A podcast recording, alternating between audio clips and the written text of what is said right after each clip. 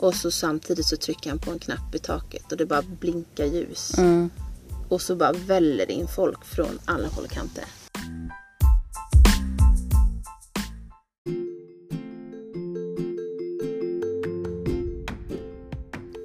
Men hej, där är du ju.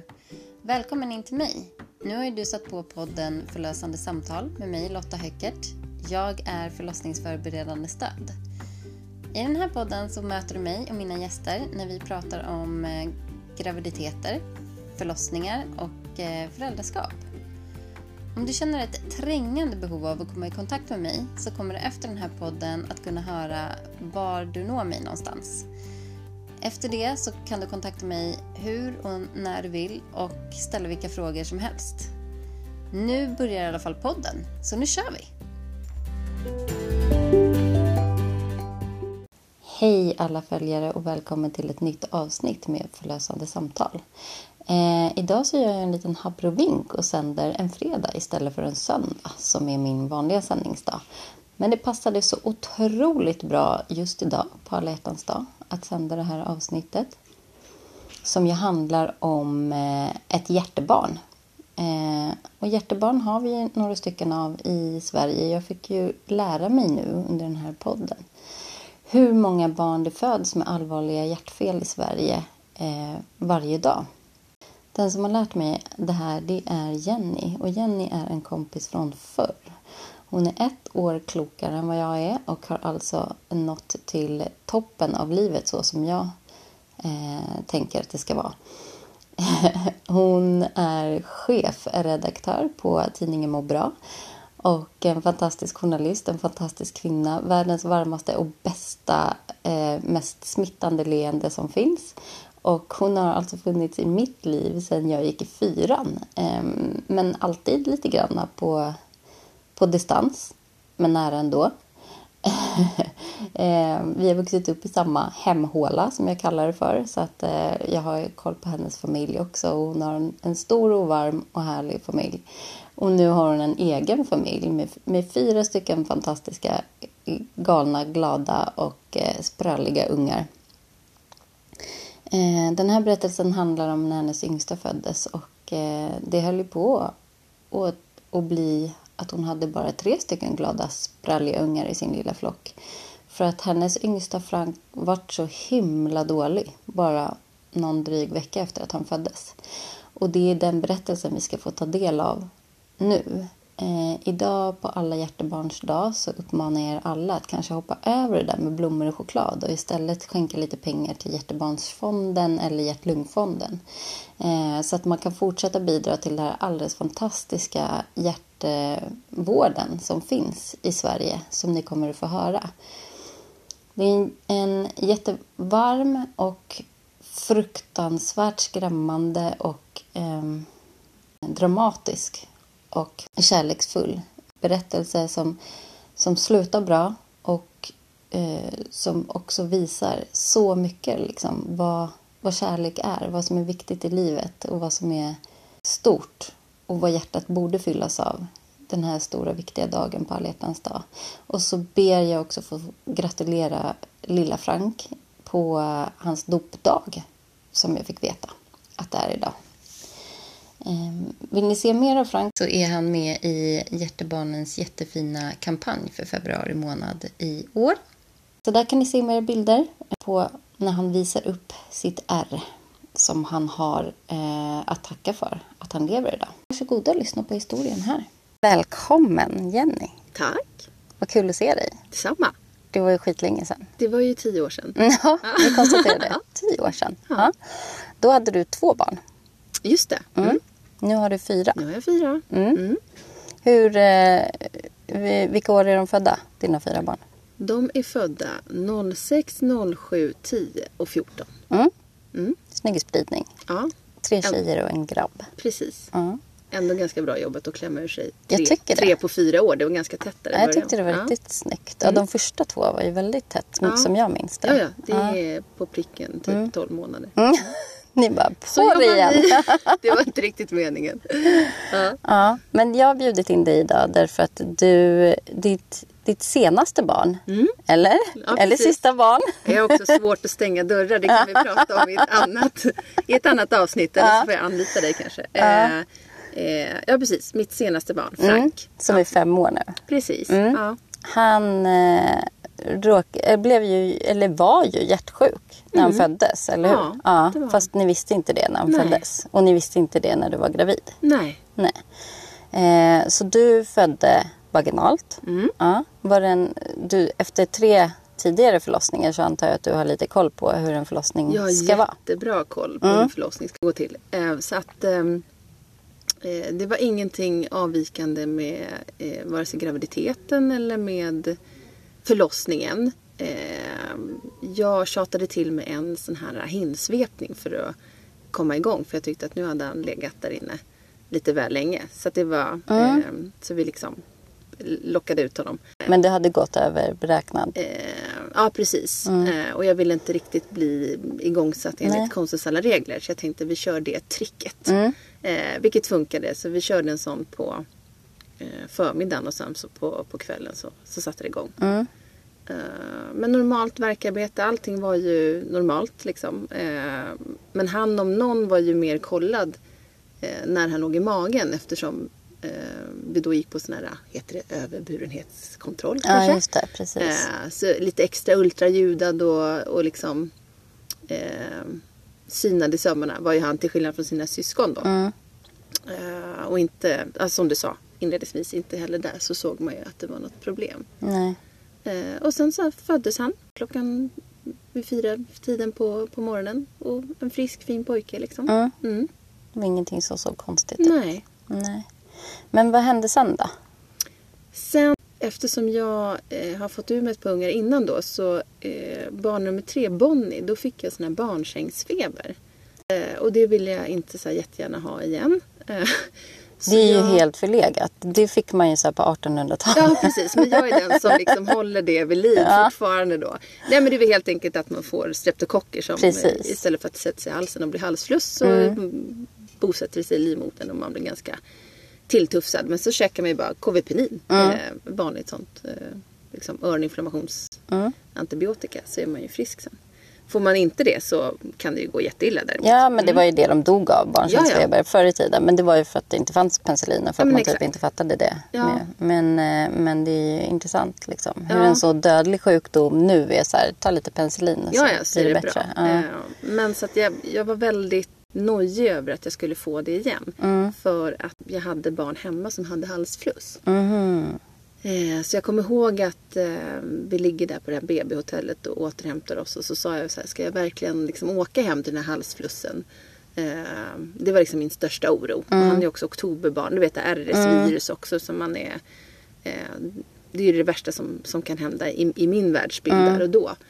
Ehm, men vi eh, får beskedet att nej, men ni kan åka hem. Är, han är skyddad vid amningen och du kommer inte plocka på dig någonting och bla bla bla. Eh, och det man gör också innan man skriver ut oss, som man nog inte gjorde med våra tre flickor innan, det var att man mätte syresättningen i Franks händer och fötter. Mm. Eh, Och det är vad jag förstår nu i efterhand en, en rutin för att just upptäcka det här luriga hjärtfelet som Frank hade. Som är så, man kan inte lyssna på med stetoskop, liksom man, man kan inte höra en sån, eh, ett sånt hjärtfel som han hade.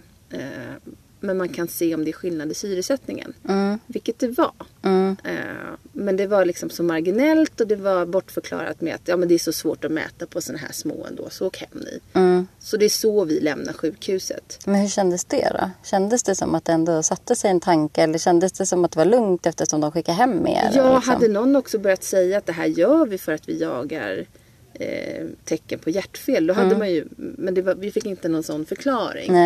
Eh, och vi ville ju själv, självklart hem till Franks syskon liksom. Mm. Eh, och eh, jag såg framför mig att ja, men en ett års mammaledighet med, med bebisvagn och, och latte som jag var van vid. Liksom. Mm. Ja, och man är ju rätt rutinerad när det är Ja. fjärde barnet. Det, alltså hade det varit första barnet så hade man kanske bara, men vadå? Och bara nej, och hur, vadå, var det lite dåliga värden eller liksom? Ja, och sen är jag en sån person så att det, det någon i, i vården säger, det gäller. Jag har liksom aldrig bebbat emot någon i, i vit rock. Liksom. Faktiskt. Utan, ehm, men nej men så här, åkte hem med noll anledning till oro. Mm. Ehm, och sen så ja, kom vi hem med, med Frank och, och hans eh, systrar var i eld och lågor. Och, och vi liksom började boa in oss som, som man gör. Liksom, När barn är 48 timmar gammalt. Sådär. Mm. Eh, men då får ju jag eh, självklart en infektion i livmodern och blir ju superdålig. Mm. Eh, så jag och Frank får ju åka in och eh, ligga på sjukhus tillsammans. Mm. Eh, och fortfarande har man då inte upptäckt det här hjärtfelet utan det är jag som vårdas för barnsängsfeber igen. Precis, ja. Eh, men får antibiotika och sådär. Eh, men då tittar man ju även till Frank så att redan där lyssnar man ju på hans lung och hans hjärta. Och, alltså han är så superkollad den här lilla bebisen jämfört med de andra som bara har legat hemma i, en, i någons famn eller i en vagn. Liksom. Mm. Eh, och man såg fortfarande inga fel på honom. Så Men hur dålig var du då? Var du liksom skitdålig eller? Jag var ju, ja men liksom För Hög feber och, och så ont liksom? Ja, och det här eftersom det här med Frank ganska så dikt an liksom blev det stora problemet så har vi glömt bort att just det, jag höll ju också på, inte dö men eh, jag var jättetilltufsad, det var jag. Det var ju tur att jag fick vård. Eh, och det sa han också, läkaren som hjälpte mig att eh, Ja men du har, han pratade om någon 12 timmars gräns. Sen är det rullgardinen ner sa han. Så att jag tolkar det som att det var ganska allvarligt. Mm. När man drar ner rullgardinen då. Ehm, men det har vi liksom... ehm, Ja, men det har försvunnit ja, det har försvunnit. Ehm, Men kom han igång och började äta ordentligt och så? ja, Frank? nej, men så det funkade ändå fast jag var så... Och som du säger, det är fjärde barnet. Man kan ju det här liksom. Ehm, så att även fast jag låg med dropp så eh, löste sig det mesta. Men eh, han är ju då liksom extra kontrollerad och jag är ju fortfarande rädd att tänk om det är något RS-virus som jag har. Mm. Eh, alltså med de tankebanorna. Så att var, var skönt att han också var lite topsad och lite lyssnad och lite eh, blodprovad liksom. Och allting var super, superfint. Superfina värden på den där lilla gossen. Ja, allting funkar ju. Vi vill ju bara hem. Och när jag är trygg i att antibiotikan funkar och jag är trygg i att Frank inte har något skit i sig. För det, han var ju superkontrollerad som sagt. Så åker ju vi hem. Mm. Eh, med en, en mamma som, som går på mediciner liksom. Eh, och en frisk pojke. Och äntligen ska vi liksom få landa hemma.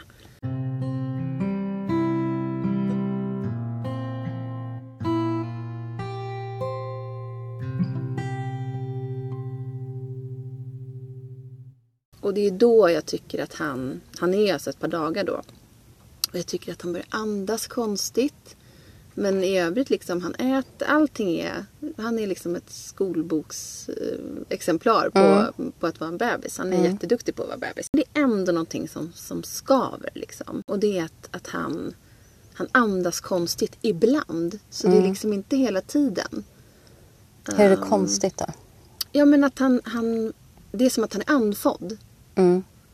Uh, och jag vet att vi, så återigen i det här RS-viruset som Mm, jag tänker på. Och indrag då när man andas. Mm. på ett speciellt sätt som att det syns på bröstkorgen.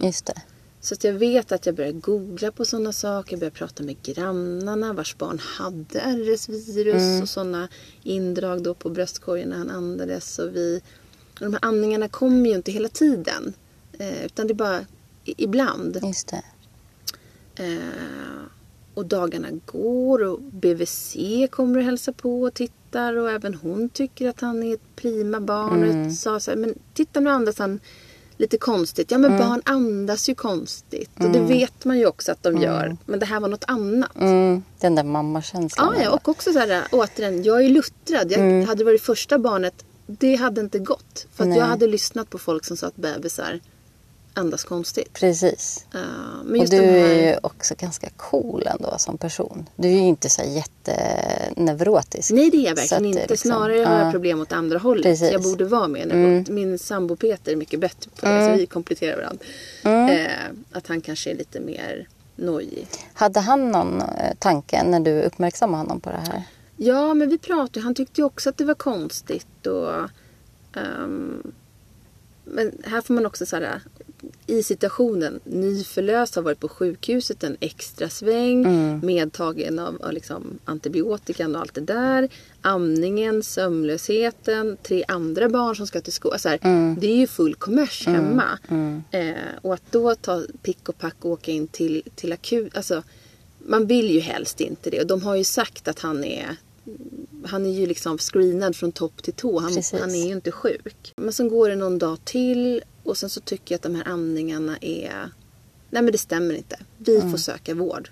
Jag tänker det här är RS-virus. Det är det värsta som kan hända. Men jag kommer ihåg också för att vi fick ju barn sam- nästan samtidigt. Mm. Min yngsta är ju bara en månad yngre än Frank. Mm. Eh, och det var ju, alltså jag vet inte om du också upplevde det men när jag fick min första, jag har ju långt mellan mina sex år. Så när jag fick min första 08 då var det typ inte prat om RS-virus. Det kändes inte som att någon, alltså det, de sa det men det var typ i förbifarten. Men det var en jävla hype 14 alltså. Just på hösten där. Jag kommer ihåg att det var liksom så här att folk i min mammagrupp liksom gick inte ut på flera månader. Och så, här. så upplevde inte jag det med mitt första barn. Så att jag tyckte att man hade blivit ganska ordentligt uppskrämd liksom till, tills det här barnet 2014. Ja, men du har ju ja. några barn emellan där också. Ja, nej, men jag, jag tycker att RS-virus, för mig kommer det... Det fanns inte med de två äldre barnen som är, alltså på det sättet. Men Bonnie som är född 2010. Mm. Eh, då började det liksom att det fanns någonting och att det kunde vara farligt. Men jag håller med, sen har det liksom Precis. eskalerat. Ja. att, Så att eh, man är ju verkligen den- rädd för det. Liksom. Ja, och vid den här tiden så var det ju stanna hemma, gå i, alltså, åk inte till köpcentrum. Det var verkligen den Precis. typen av råd i media också. Mm. Ehm, Och så har man tre stycken snor, snorungar hemma Snorungar liksom, som hemma. går på Eh, dagis och skola. Ja, och dessutom så har jag en bekant som, som förlorade sitt barn i RS-virus. Så Mhm. jag är ju extra Ja, verkligen. eh, rädd för detta då. Mm. Eh, och just i och med att jag själv har haft den här infektionen och Mm. liksom ehm, och de provsvaren, för de testade också mig för RS-virus och även honom, eh, har inte kommit än. Mm. Eh, när han är då eh, fem, sex dagar liksom.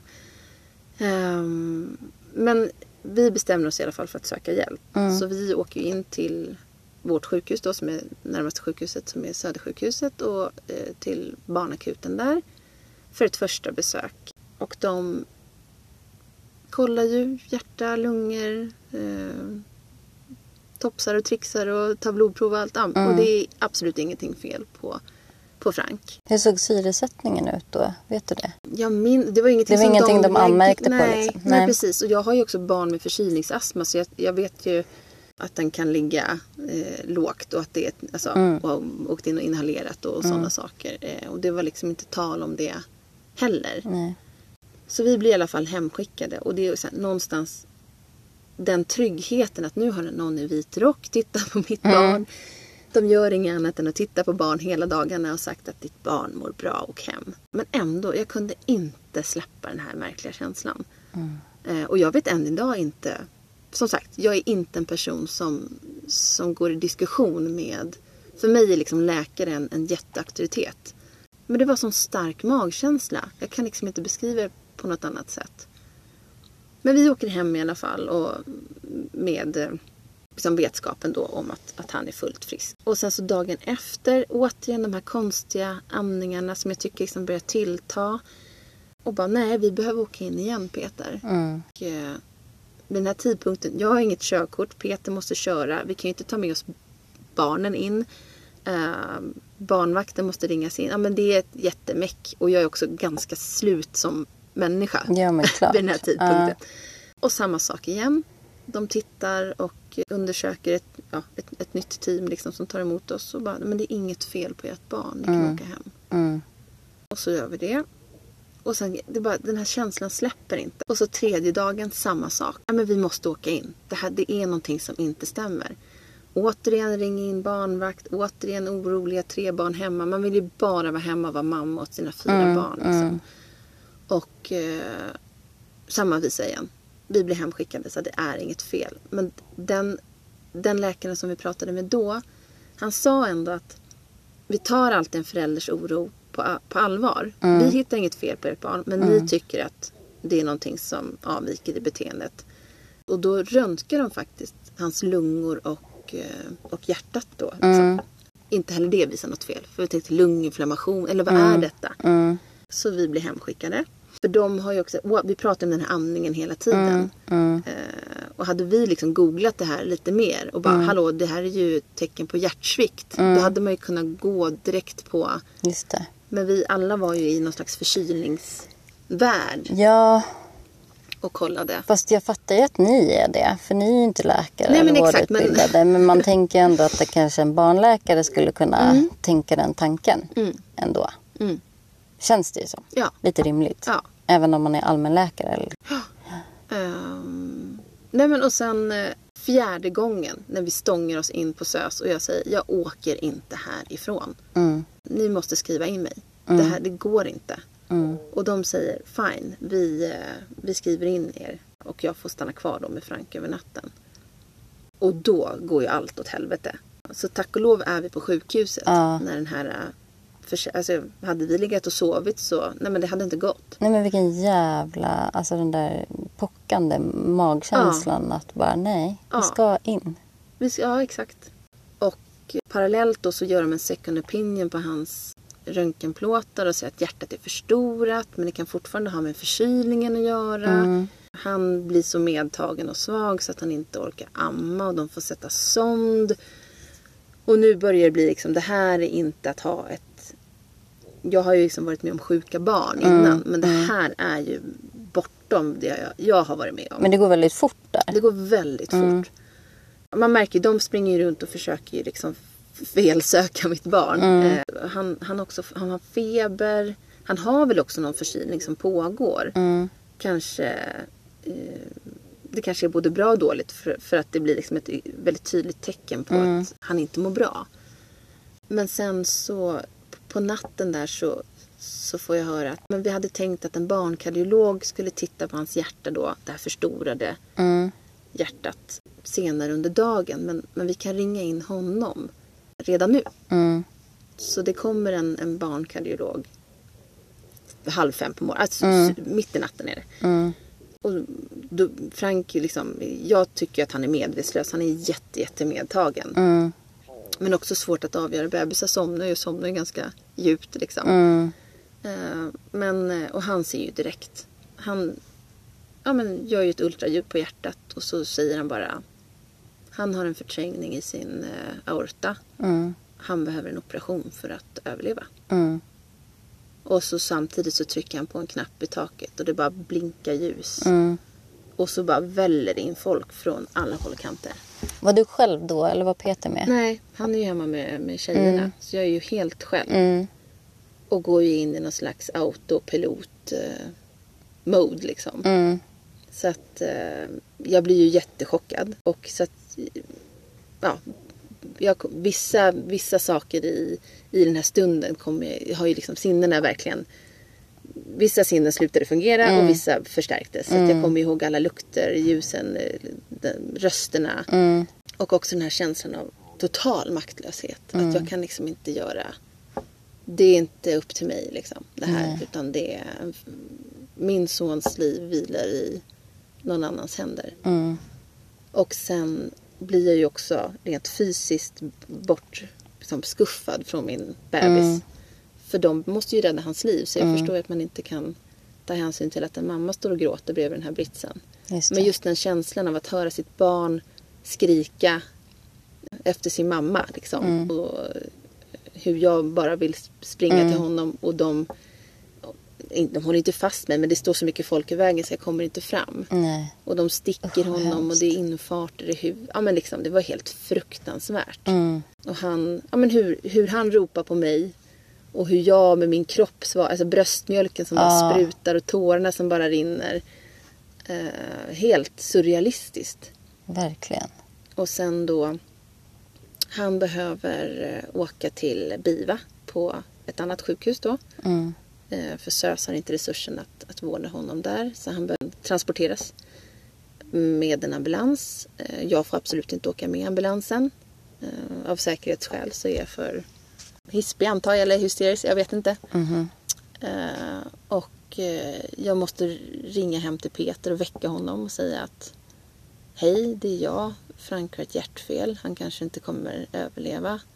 Han ska opereras. Bara liksom Jävla konstig chock för honom Ja, också. Mitt i natten. Ja. Eh, och nu ska han till BIVA på Astrid Lindgren för att stabiliseras. Sen ska han flygas till Lund om han klarar av det. Eh, det är bara där man kan operera hans hjärtfel. Mm. Så med den informationen måste Peter eh, förbereda allting hemma med tre barn som ska gå till dagis och skola. Eh, fixa barnvakt. Han vet inte, är vi borta en månad, en vecka, en dag? Nej. Lever ens min son när jag kommer fram? Helt... När man pratar om det så känns det som att det är något reportage man har läst om i en Ja, tidning. just det. eller... Att det är så helt sjukt Ja, att det är hände. fortfarande så här, overklighetskänsla kring det. Ja, jag förstår det.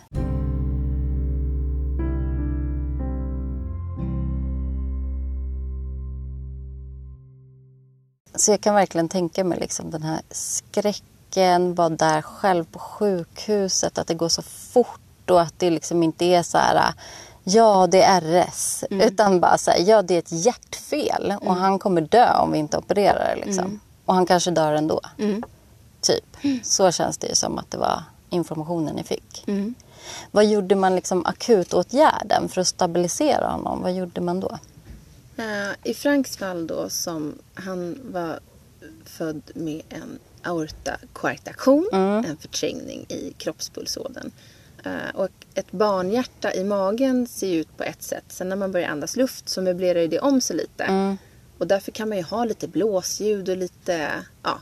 eh, Ett nyfött hjärta är ju eh, inte alltid det som kommer bli sen när man eh, är ett par månader eller ett år. Eh, och därför är det här så svårt att upptäcka. Ehm, men det man gör då, det är att man sätter in en... Han hamnar ju då på det här BIVA, som också är något helt annat än... Jag är som sagt rätt van vid sjukhusmiljöer sådär, men det har ju varit på Nalle Puh-nivå, om man säger så. Här är det liksom... Det är sånt allvar i väggarna. Eh, För att det är liv och död på ett helt annat sätt. Personalen vi möter är... Det finns ingen som skrattar, det finns ingen som lugnar. Man bara är rak och redogörande. Och jag förstår att man måste vara det. Men vi letar ju liksom desperat efter någon som bara säger att det här kommer lösa sig. Men det är klart att de inte säger det, för det vet de ju inte. Nej. Du har ju skrivit den här berättelsen. Först skrev du den ju alltså, efteråt på, på sociala medier. Det var ju där jag läste den. Och jag kommer ju liksom ihåg när jag läste den här berättelsen hur jag bara så bröt ihop så fruktansvärt. Alltså det var så här, jag satt och så här fulgrät liksom och bara snyftade och tyckte att det var liksom, alltså det gjorde så ont i hela hjärtat. För, eh, och jag vet inte om det är liksom, ja men du vet för att man själv är mamma, jag hade ju själv ett ganska nyfött barn då. Eller om det är för att så här, du är någon jag känner eller känner till. Eller om det är för att du är så jävla duktig på att beskriva i ord. Liksom. Eh, du är ju journalist liksom, så du är bra på att beskriva. Ja, tack. Men eh, det var så, det var liksom så vissa saker som jag minns liksom, i din berättelse. När du bara sa, nej men det fanns inte ens några tårar utan nu skakade jag bara liksom i hela kroppen. Och jag bara, ja, nej men alltså jag kan känna det här med dig. Och då komma in i ett rum som är avsett för att rädda livet på barn. Det är inte gjort för att en mamma och pappa ska ens kunna sitta bredvid sitt barn. Så att det är mycket... När vi äntligen får träffa Frank då eh, på, på Astrid Lindgren så möts vi först av personal. Först får vi inte komma in för att han är så upprörd och behöver stabilisera sig. Och sen får vi veta att den livräddande medicinen som heter Prostivas som gör att den här förträngningen i eh, eh, det lilla fosterhjärtat har en liten genväg in i kroppspulsådern som heter ductus. Mm. Och den här ductus, det är den liksom som sluter sig när man eh, börjar andas och sen så börjar liksom lungorna och, och hela, det där kan ju du bättre än vad jag kan. Men eh, så att blodet ska cirkulera som, eh, som det är tänkt. Med hjälp av de första andetagen och sådär så, så börjar ductus att liksom avveckla sig själv. För den ska inte fylla någon funktion. Men eh, i Franks fall då så var ju den här ductus, det var ju liksom det enda som höll honom vid liv. Så kroppen stretade ju emot att, att stänga den för att eh, då skulle han dö helt enkelt. Mm. Och då får... Var det det som hade påbörjats, att ductus började slutas när han Ja. mådde så dåligt? Och då får man ju, precis, då blir det ju den här andningen och det här att det också är olika syresättningar. Mm. Som de var lite inne på när de tittade på honom som, som nyfödd. Då. Eh, och det är alltså därför man har infört den rutinen. För att upptäcka det här luriga hjärtfelet. Han får en medicin som heter Prostibas som gör att ductus inte sluter sig. Och det är alltså, jag har aldrig sett så mycket, det är så mycket medicindosor i såna här äh, ska man säga, droppställningar fast det är liksom fullt med sladdar, slangar. Han ser ut som en liten bläckfisk. Det är, liksom, det är infarter och, eh, ehm, och eh, mm, ehm, såna här, eh, vad säger man, som mäter eh, hjärtat. Mm. EKG, sla, men, ja, det vi kan ändå, elektroder elektroder och sådana saker. och ja, det ser helt, ja. alltså helt fruktansvärt ut. Och eh, den här prostivasen räddar ju Franks liv eh, och andra barn med samma diagnos men gör ju att barnet mår jätte, jättedåligt. Så han blir jättekänslig för beröring och sådana saker så att vi blir tillsagda att rör inte vid ert barn. Mm. Och det är också en sån grej som jag minns från Ja. berättelsen. Att jag bara, men fy. Ja, att inte få röra vid, Ja. vid mitt barn som ligger där och bara... Eh, han, han orkar inte skrika, han ligger och gnyr. Mm. Eh, och kan ju givetvis inte, han orkar inte amma utan han måste ju sondmatas och, och sådär. Och också inte veta i det här sista chansen att röra vid mitt levande barn. För det vet vi ju inte. Nej. Och, ehm, och där blir vi liksom tillsagda att ja, ni kan sitta på, på en stol här och, och vänta eller så är ni uppe i ett sånt där föräldrarum och, och vilar och vi hör av oss om det är någonting. Och ehm, när han är stabil nog så kommer han flygas till Lund där en operation kommer utföras. Mm. Men visste man då att han skulle bli stabil? Eller visste man inte helt säkert att han skulle bli det heller? Nej, det visste de ju inte. Nej. Så att det... eh, Och i den här röran, så återigen, man är ju mamma till alla sina barn. Så man, som, hur går det för dem där hemma? Vem ska ta hand om, om flickorna? Hur länge blir vi borta? Komma hem där i Lund. Att försöka liksom ta in information och bearbeta, förbereda sig. Men också så här, lillebror kanske kommer dö. Mm. Jag, jag kommer ihåg att jag, jag sitter och tänker på kistor. Hur små kistor finns det? Och, Mm. hur ska vi berätta för tjejerna att, att Frank inte finns? Mm. Så absurda tankar liksom. Verkligen. Ja, och, och där är vi någonstans i, i två dygn så att han liksom stabiliseras. Och sen så är det då dags att, att flyga ner honom till Lund. Mm. Och vi får ta tåget. Ah. Vi får inte ta tåget för, förrän planet är i luften. Det är för att säkerställa att, att bebisen har överlevt då transporten till, eh, till flygplatsen helt enkelt. Mm. Och sen så får vi sitta på tåg i fyra och en halv timme. Och Frank flygs ner på typ en timme då ner till Lund. Mm. Och under den tiden så vet ju inte vi om vi kommer komma fram till ett levande barn. Men de hörde inte ens av sig och berätta att han hade kommit fram? Eller de det? nej. Eh, det är också väldigt mycket som ska hanteras innan han är på, på den avdelningen han, han ska vara. Mm. Men eh, nej, det var vi som fick eh, sitta och ringa Mm. Efter dem då. Och till slut så fick vi beskedet att jo men han är här och han är inskriven. Helt surrealistiskt att sitta där så länge och inte veta.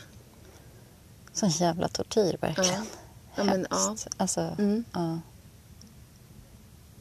Vad gjorde ni liksom på tåget? Alltså, kunde ni prata ens? Med varandra? Nej, jag- Eller var det att man bara sitter med sina egna tankar mycket? Nej, men jag googlade ju väldigt mycket på den här diagnosen och hamnade bara på sidor med olyckligt slut. Mm. Ehm, vi hade ju liksom inte fått så mycket information om vad det här innebär och vad, hur opererar man ett sånt här hjärtfel och liksom hur eh, kan han leva normalt sen eller är han, kommer han bli, kommer han få någon funktionsnedsättning eller vad, vad kommer hända? Mm. Så att jag läser ju allt jag kommer över för att ha någonting att göra. Mm. Ehm, Men sen så, alltså när Peter får sköta allt praktiska och, och ringa till sjukhuset och sådär. Och jag, för jag klarade inte av det.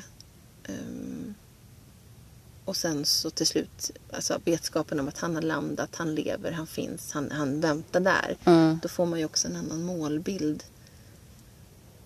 Ja, Tågresan kommer sluta i något annat liksom. Mm. Ehm, Men ja, det, det är de värsta timmarna i mitt liv. Mm. Det kommer det alltid vara. Ja, det förstår Mm. jag verkligen.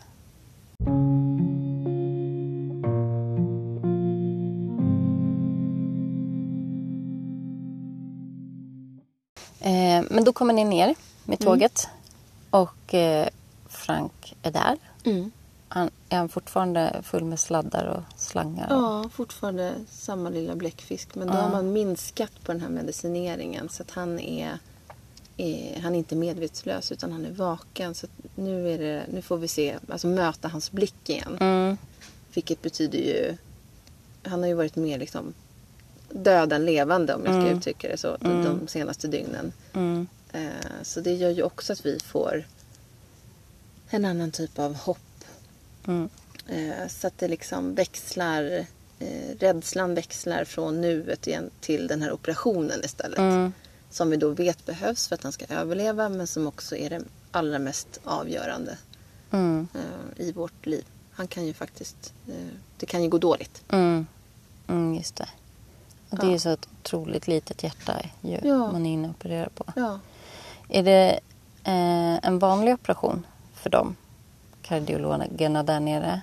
Eh, Ja, vi, vi kommer ju också in i, eh, i den här barnhjärtsfabriken som bara finns. Eh, som man inte kände till. För mig som, som småbarnsmamma har ju eh, har det varit liksom andra sjukdomar som har varit de, det läskigaste som kan hända. mm, Jag har inte vetat att det föds sex barn varje dag i Sverige med hjärtfel. mm, nej, Sex ungar om dagen. Det är helt galet många hjärtebarn.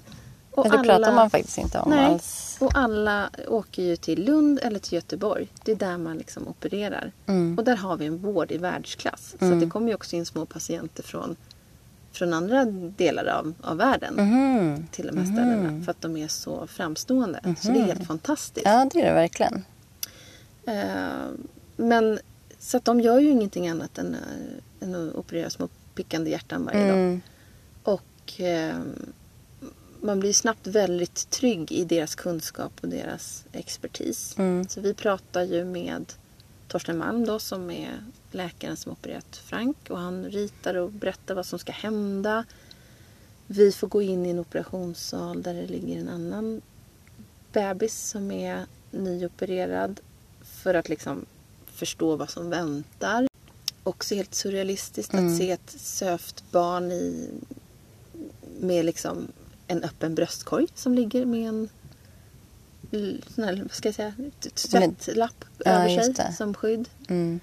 Eh, Så ser det ut överallt. Och överallt så står det andra drabbade familjer och föräldrar i samma situation. Eh, Vissa som inte har en lyckad operation i, bakom sig utan där det värsta har hänt.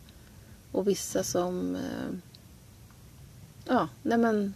Jag minns ett möte vid kaffemaskinen när det var en annan mamma som frågade mig hur gammal Frank var då. Mm.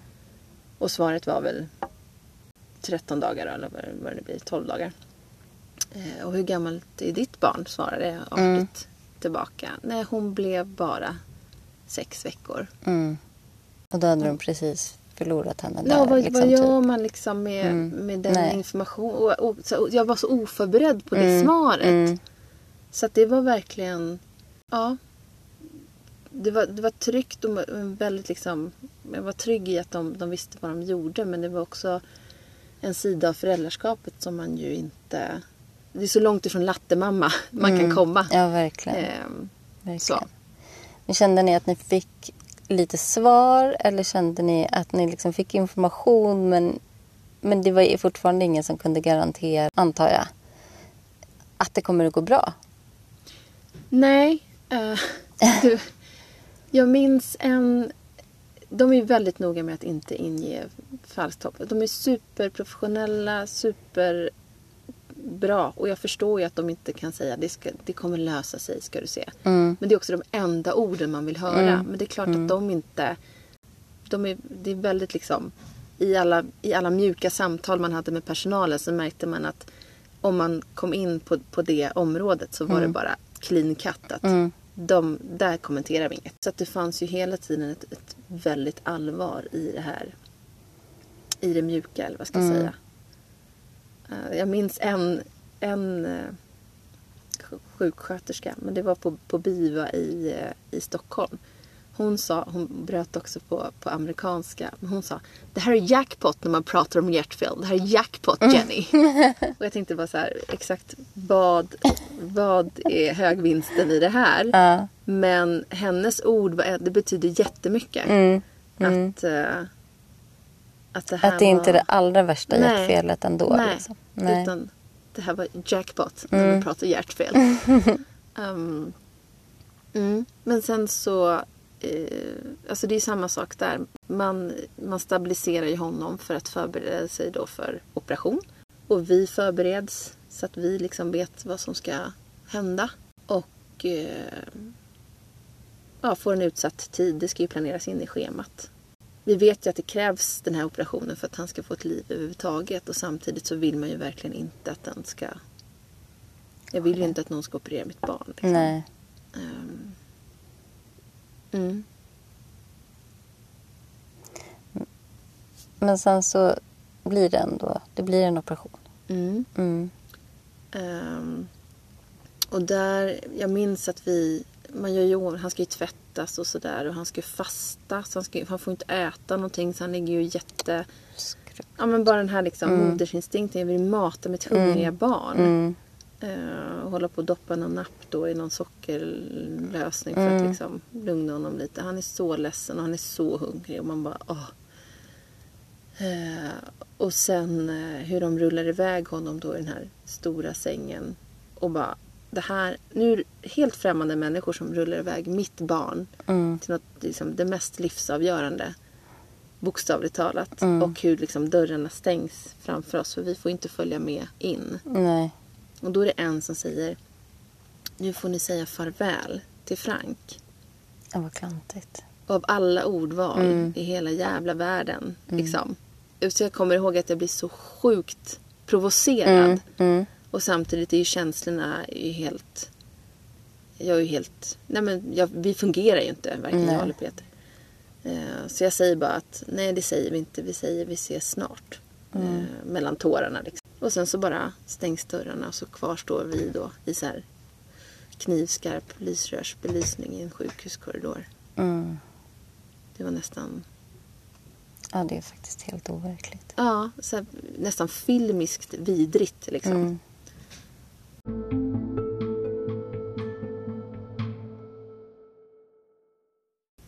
Och eh, vi vet ju att den här operationen ska ta två timmar.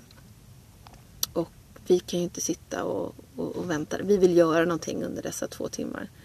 Och då ska vår Svea strax fylla år. Så att eh, vi bestämmer oss för att åka ner till Lund. Där vi har sett en leksaksaffär. Så ska vi köpa present till Svea och till systrarna. Och eh, så ska vi köpa en vakna upp-present till Frank. Det är liksom den målbilden vi har. Mm.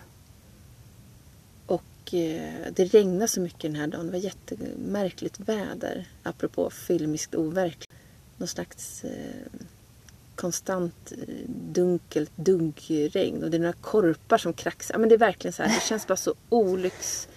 Allting bara förstärks. Ehm, och vi åker då, istället för att gå så tar vi bilen till den här leksaksaffären. Där minns jag också att gå runt bland alla de här leks, alltså små nappar Pollare, mockasin, nej men du vet allt det där på bebisavdelningen. Mm. Och att jag inte vågar köpa det för att jag vet ju inte. Jag vet ju inte om jag har ett barn. Nej. Jag, jag vet ju inte. Och, eh, och vi hittar några grejer till Svea. Ja, men för, vi försöker liksom fungera och vara som vanligt i den mån vi kan. Och så ringer telefonen. Och det är ju alldeles för tidigt. Alltså alldeles, alldeles för tidigt. Klockan är ett. Vi har räknat med att ett samtal kan dröja till fyra. Mm. Men, ja, men det är alldeles... Ja, något har gått fel, tänker jag. Det är också ett dolt nummer. Mm. Och Och jag svarar. Eh, och då är det ju doktor Torsten då som ringer. Eh, och han presenterar sig. Hej, det här var doktor Torsten Malm från barn, bla bla bla. Jag vet vem det är. Mm. Och så bryts samtalet. Men gud. Så att eh, där står jag och vet inte vad han ville säga. Nej. Och det är ett hemligt nummer, jag kan inte ringa upp honom. Nej, just det. Och jag kunde inte avgöra på hans röst. Den var liksom helt... All, Men du försökte allvarlig. tolka liksom. Ja, så att jag får ju panik och bara ja. springer upp för att eh, komma ut på gatan och få bättre mottagning och, och luft. Jag håller ju på att svimma liksom. Mm. Och så ringer han igen. Och Torsten han presenterar sig igen. Men gud. Och eh, sen frågar han, är det Franks mamma? Mm. Och det hinner jag också tänka, så konstigt hur hjärnan fungerar. Men jag minns att jag tänker att ja, jag kanske var Franks mamma, men jag, jag vet inte om jag är Franks mamma. Mm. Jag, jag vet faktiskt inte. Mm. Eh, Men då berättar han att operationen har gått bra. Och eh, att det var en allvarlig förträngning och att Frank behövde en operation för att överleva. Och någonstans där börjar liksom avstampet till Till bättring. ja, att vi vågar tro på att Ja. Frank finns. Liksom. Mm. Men gud, alltså det blir lite så här att man bara svimmar av det. Alltså att det är så här, det har gått bra. Eller ta det ett tag kanske och sjunka in också. Att så här, det har gått bra och våga tro på Ja. det. Liksom. Ja. Eh, Efter den här resan så har ju jag fått jobba väldigt mycket med att tro på läkare överhuvudtaget kan jag säga. Mm, ja, men det förstår jag. Ehm, Så att jag hade väldigt svårt att, att liksom lita på det. Mm. Det hängde kvar i flera år eller Ja, hänger det absolut. fortfarande kvar? Nej, eh, vi går ju på... Frank i, idag är ju en friskförklarad hjärtpatient. Men vi går ju på kontroller ungefär vartannat år. Mm. Eh, det kan inte bli så urakut som det var från början. Däremot i takt med att han växer så kan ju det området som är opererat där det finns ett R bli en ny trång sektion och då behöver man rätta till det. Mm. Men det hinner man se år innan det händer. Liksom. Mm. Så att det kan inte bli så uh, urakut. Och där, där vi går idag så är de gör ju heller ingenting annat än att titta på, på pickande små barnhjärtan och, och följer dem tätt, tätt, tätt. Så att eh, där, där kunde jag liksom börja bygga min tillit till, till vita rockare. Ja, just. Mm. Ja, men de är ju verkligen specialister. Och Mm, det är ja, men liksom ja. något, något helt annat. Ja, nej, men du Mm. har helt rätt. Det är specialister. Eh, Och hade vi kommit till en sån från början så hade vi ju väl, jag menar inte liksom att göra ner vården, men så här, ja, vi fick tjata oss in. Mm, Absolut. Eh, Men väl inne så bara från ingenstans finns det ett ambulansflyg som kan flyga mitt barn ner. Alltså det, det är sån fantastisk infrastruktur Mm. och fantastisk kunskap på de här sjukhusen. Jag är Ja, det är verkligen som en magisk värld. Om Ja. man inte vet, det är precis som du säger, om man inte vet någonting annat. Om man kanske haft, så här, jag har också haft eh, infektionsastma, Mm. sjukt barn. Och liksom, ja, man, visst, jag har sett mycket av sjukhusvården tycker man. Mm. Jag vet hur den fungerar, jag vet vad som finns, jag vet hur Sax- Saxka barnakuten Mm. ser ut. Liksom. Ehm, men, men sen så bara öppnade sig en värld av så här, resurser och experter och liksom, Mm. eh, verkligen ja, men toppvård. Liksom, Mm. Som, som inte finns där om man inte eh, hamnar där. Om man har turen och inte hamnar Mm, där. ja men exakt. Och just... eh, ehm, nej men och vilka, vilka fantastiska hjältar och hur man... Och vikten av forskning och, och privata bidrag. Alltså hur, hur hela den... Ja men som du säger, det är faktiskt en helt annan värld. Mm. Och jag, eh, jag är tacksam. Ja, varje... Så fort jag ser på Frank så... så Mm. eh, det är någonting i kroppen som som minns det här om bara för en liksom millisekund. Och eh, en våg av, av tacksamhet. Så det här har ju också förändrat. Ja, det har ju format om hela vår familj såklart. Vad är det som är viktigt liksom?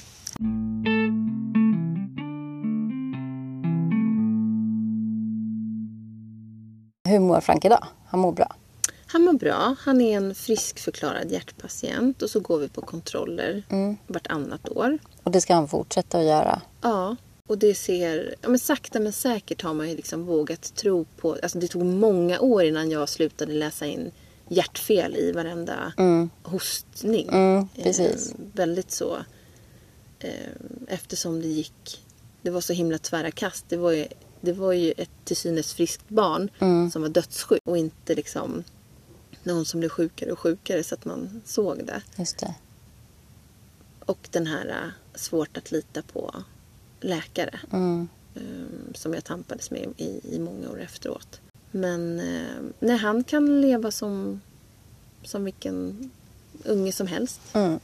Leva lika länge som du och jag, inga sådana saker heller. Och liksom idrotta och Idrotta, springa. han kan bli elitidrottsman om man nu skulle få feeling för det. Mm. Eh, Det tror jag inte. Han är ganska lugn. Mhm.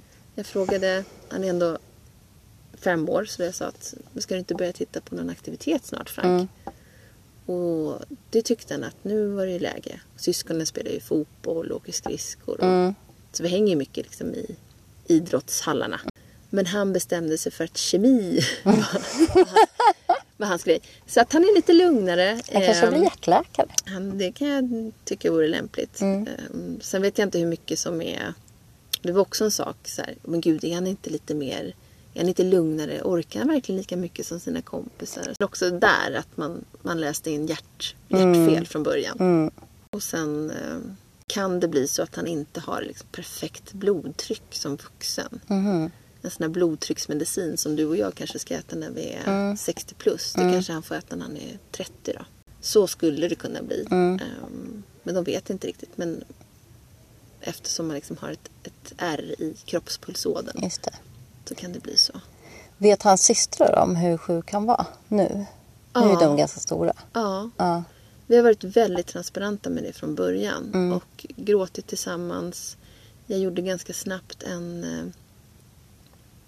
eh, Franks hjärtebok heter den. En sån här bilderbok hemma. För Peter fotade jättemycket. Hela resan f- fotade han. Och har dokumenterat. Eh, så att alla sådana bilder finns att titta på. Och eh, sen har han ju sitt R som också ja, det är ju ganska som ett visuellt Mm. ett minne liksom som, ehm, som påminner oss. Det, Ni firar hans eh, operationsdag, är det så? ja, Ja. eh, han har två födelsedagar. Ja. Eh, så det gör vi. Så Ja, operationsdagen jättefint. så, så firar vi också. Mm. Sen döptes han och då av slumpen så blev det på alla hjärtans dag. Mm. Eh, så det är också så här, betyder lite mer än... Mm. Det är snart. Mm, ja. Och det är också alla hjärtebarns dag. Mm. Mm. Och sen är jag också med i... Jag är med i Facebookgrupper om Mm. hjärtebarnsföräldrar och sådana saker. Eh, och den här texten som du nämnde, den skrev ju jag dels för att bearbeta det här själv, Mm. men också för att någon som sitter på det här jävla tåget just nu till Göteborg eller Lund, som sagt det är sex barn varje dag som föds i, i vårt avlånga land som, som det här gäller. Att de ska få, den är lika delar liksom informerande som att den är bearbetande för mig. Men också att det, kan, att det slutar, det slutade ju faktiskt bra. Mm. Eh, Jag, jag hittade ju ingen sån berättelse när jag satt på tåget Nej. och googlade. För, förhoppningsvis så, så hittar folk min story. Eller det gör de. Jag får mejl om det där de säger att tack. Men jag tänker också att ni föräldrar i de här liksom organisationerna och, och liksom grupperna, att ni liksom har ganska mycket stöd av varandra säkert. eh, När ni väl hittar dit liksom. Och, och i det där akuta skedet och allt gick ju så fort på de här dagarna. Liksom, så då kanske man inte börjar söka sig till liksom, grupper för hjälp och stöd eventuellt. Men att man har det där efter, att man kan prata om det. Har ni blivit erbjudna eller har ni sökt er till eh, hjälp, alltså så kuratorshjälp eller psykologhjälp efter det här? du och Peter eller hela familjen eller var för sig? Jag gick hos, eh, jag, eh, via sån här, vad heter det, personförsä- hemförsäkring. Mm. Så hade jag eh, rätt till att ha tio krissamtal med en psykolog. Mm. Vilket jag, jag hade tre. Sen upplevde jag att, att de inte gav så mycket Mm. faktiskt. Men, men det var skönt att liksom få hjälp att läka. Vi var ju helt... Sen ska man liksom hem därifrån och, Mm. Men det är Och det bara jag leva som menar. Och så vanligt. börja, ja, precis. och barnen behöv, de lekte ju väldigt mycket. Bonnie som var fyra vid den här tidpunkten. Hon, det finns nog inget gosedjur som inte är hjärtopererat hemma hos oss om man säger så. Eh, till exempel. De andra var ju lite större men eh, det här kommer igen hela, hela tiden. Vi hade en övning där de skulle hålla tal, våran mellantjej då. Eh, när hon gick i femman i, i sin skola. Då berättade hon också liksom om hela den här berättelsen ur, ur sitt perspektiv. Så att det, är liksom, det är en bearbetning som pågår hela tiden. För att i takt med att barnen växer så tar man in olika skikt i, i historien. Mm. Men vi har varit helt transparenta. Mm. Eh, och även mot Frank. Liksom, höll jag på att dö när jag var liten? Ja, du höll på att dö. Mm. Sen kan ju han, nu när vi var på något badhus så simmade han fram till någon vilt främmande människa med sina puffar och visade sitt ärr och berättade att, för någon med skitstora ögon där i poolen att ja, det här, jag är hjärtopererad och han heter Torsten han som opererar mig. Det är därför Frank fick ju också heta Torsten i, i uh, mellannamn. Mm. Det är också så svårt. Vad, Mm. Vad säger man till någon som har räddat Ja. ens barns liv? Ja. Liksom? Helt otroligt. Så att det vet Torsten om och det tycker han var fint. Mm. Ja. Nej, men så att vi, ja, vi är väldigt transparenta i detta och, och det kommer över en på olika sätt eh, också under året. Nu är det ju, när vi pratar nu så är det ju februari och alla hjärtans dag och sådana saker. Eh, och alla hjärtebarns månad är ju hela februari. Och Frank är med i Hjärt-Lungfondens kampanj det här året och visar sitt ärr och delar med sig av sin berättelse. Men sen märker man i, eh, i oktober, alltså dagarna kring hans operationsdag så, här, så är då vill jag gärna vara i det. Jag öppnar gärna det skåpet och är där med mina känslor och, och är liksom minns. Mm. Och eh, ältar kanske någon säger, bearbetar säger jag. Men Hur man- är de känslorna då? Det är inte, det är inte så här eh, behagliga, glada minnen utan det är mer... Nej, men det är, så, det är den här tacksamheten. Den, den är ju faktiskt störst av allt. Alltså den, och den är ju så stark. Den är ju, liksom, den är ju fysisk i bröstkorgen. Liksom. Den här stora, stora tacksamheten. Men sen är det ju också att man... Ja, men tänk vad som kunde ha hänt. Alla de bitarna. Ehm, men... och jag tycker också någonstans är man skyldig att på, påminna sig själv om hur... Det låter så här klyschigt, men hur, hur skört och hur magiskt det är det här vi kallar livet. Mm.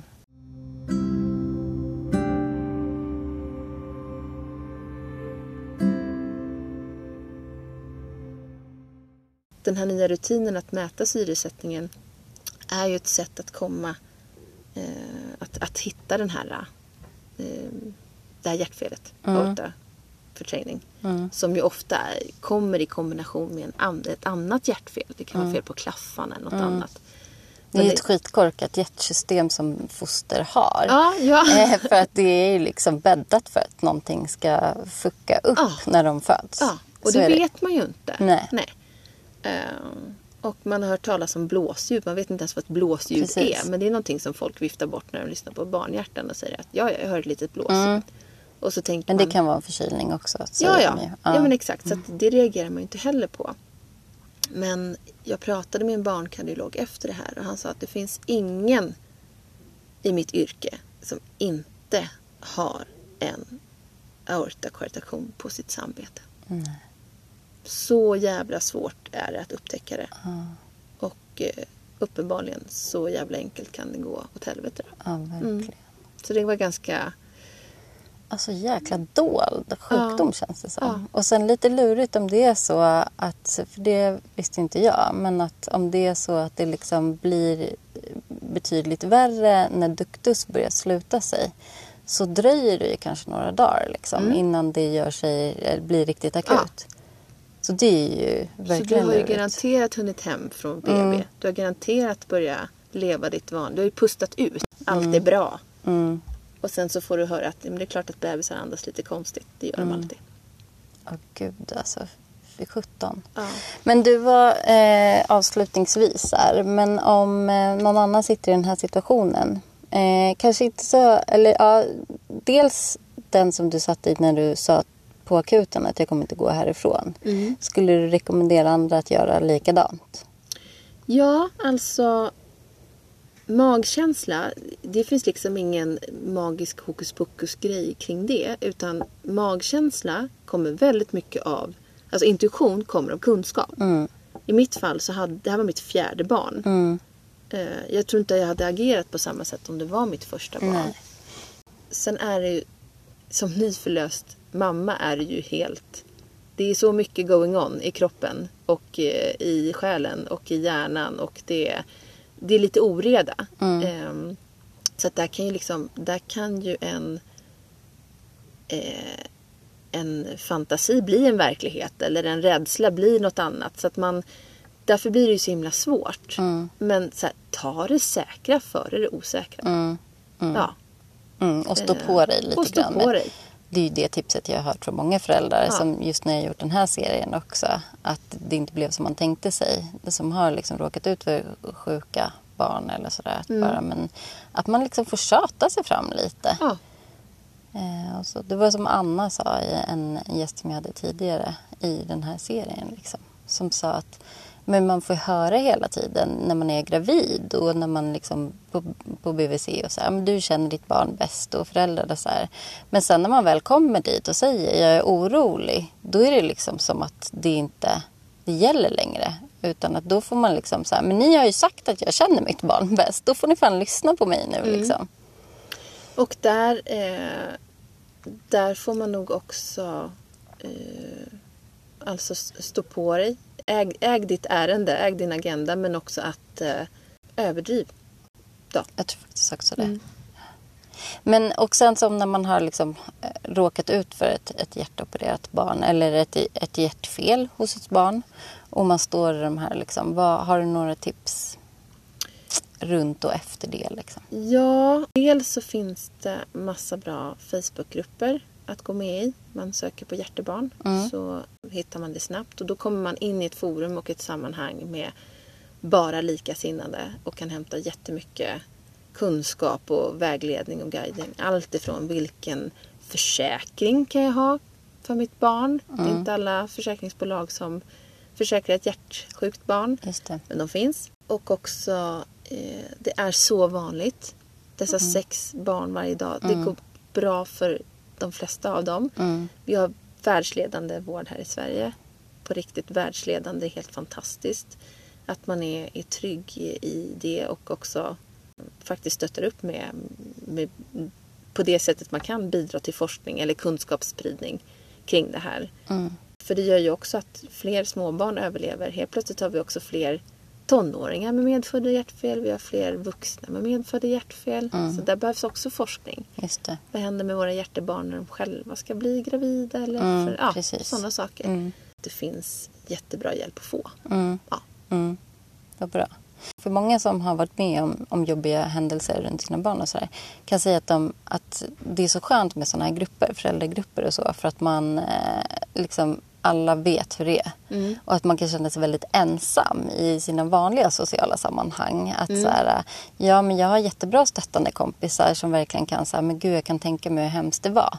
Men att de ändå inte liksom vet precis. Och att man inte kan prata precis på samma sätt som man kan med någon som har varit med om precis samma sak. Mm.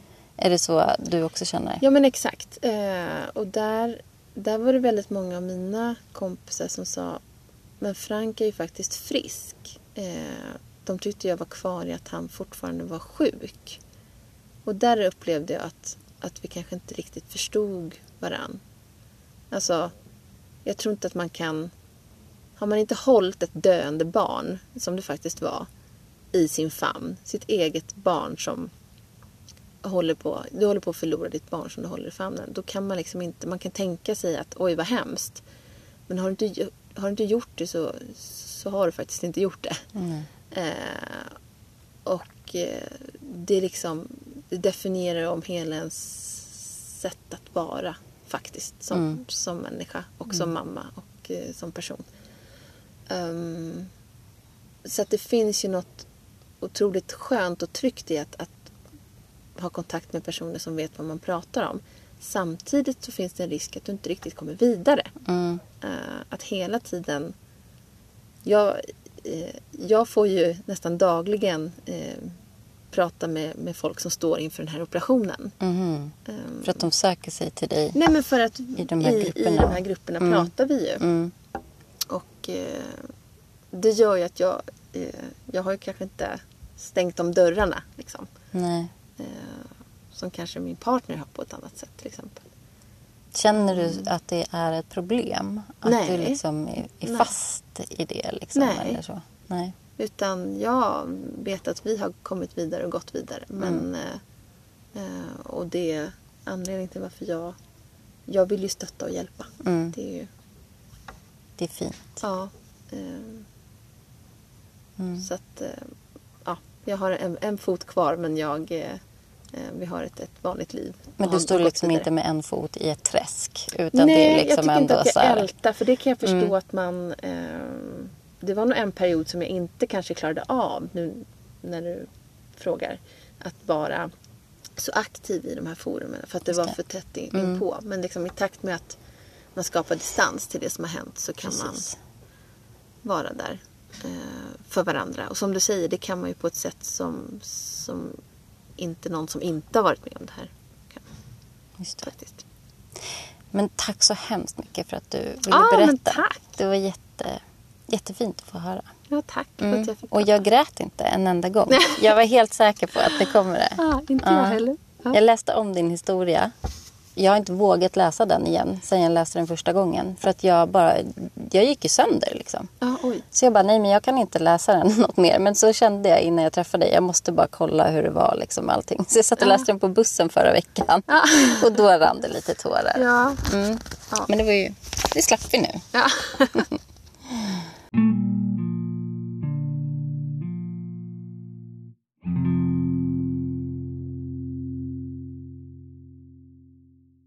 Och skönt att det slutade lyckligt. Han är en fantastisk liten gullunge och en, en um, strålande liten pärla i världen, den där lilla Frank.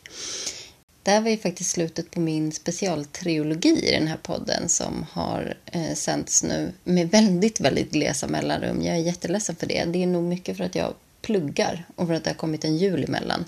Men min tanke var ju att jag skulle sända en, en eh, trilogiserie eh, om hur det blir när det inte går som man har tänkt sig. Eller när det blir jobbiga saker kring förlossning eller graviditet. Och det finns ju jättemycket mer ämnen och teman på det att rota i om man vill. Så att om ni känner att eh, ni vill att jag gör ett specialavsnitt eller flera stycken på något tema eller ämne kring eh, komplikationer eller kring eh, lyckliga saker för den delen eh, också. Så får ni jättegärna höra av er till mig så ska jag lyssna på det. Och ni som också vill läsa den här historien som jag och Jenny pratar om i eh, podden, som hon har skrivit ner själv, den som fick mig att bara totalt bryta ihop. Mm, den finns på, om ni söker på Må Bras hemsida. Jag tror att den ligger ute, liksom lite aktuell just nu. Men i alla fall, så gå in på Må Bra och så söker ni på Hjärtebarn och Frank eller Jenny. Eh, magkänsla så eh, kommer ni att hitta den historien. Den, är, ja, den är fantastisk. Nu har ni ju hört den, men det är värt att läsa det i ord också. Eh, tills vi hörs igen, så ha en jättefin vecka. Ha en strålande alla hjärtans dag och ta hand om er och alla era små hjärtan där ute.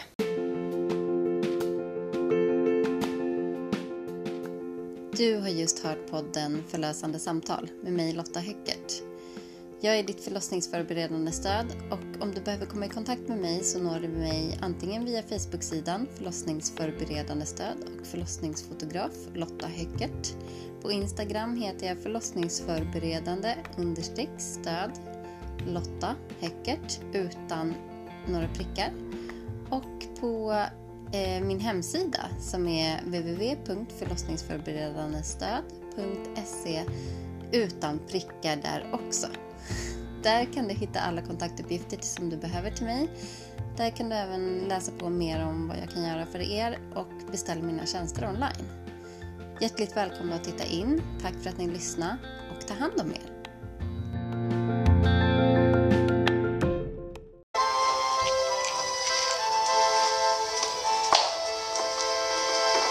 Var bara rädd om hans hjärta pojkar. Det är inte så bra. Jo, det är det bästa hjärta som finns. Just det. Kom här.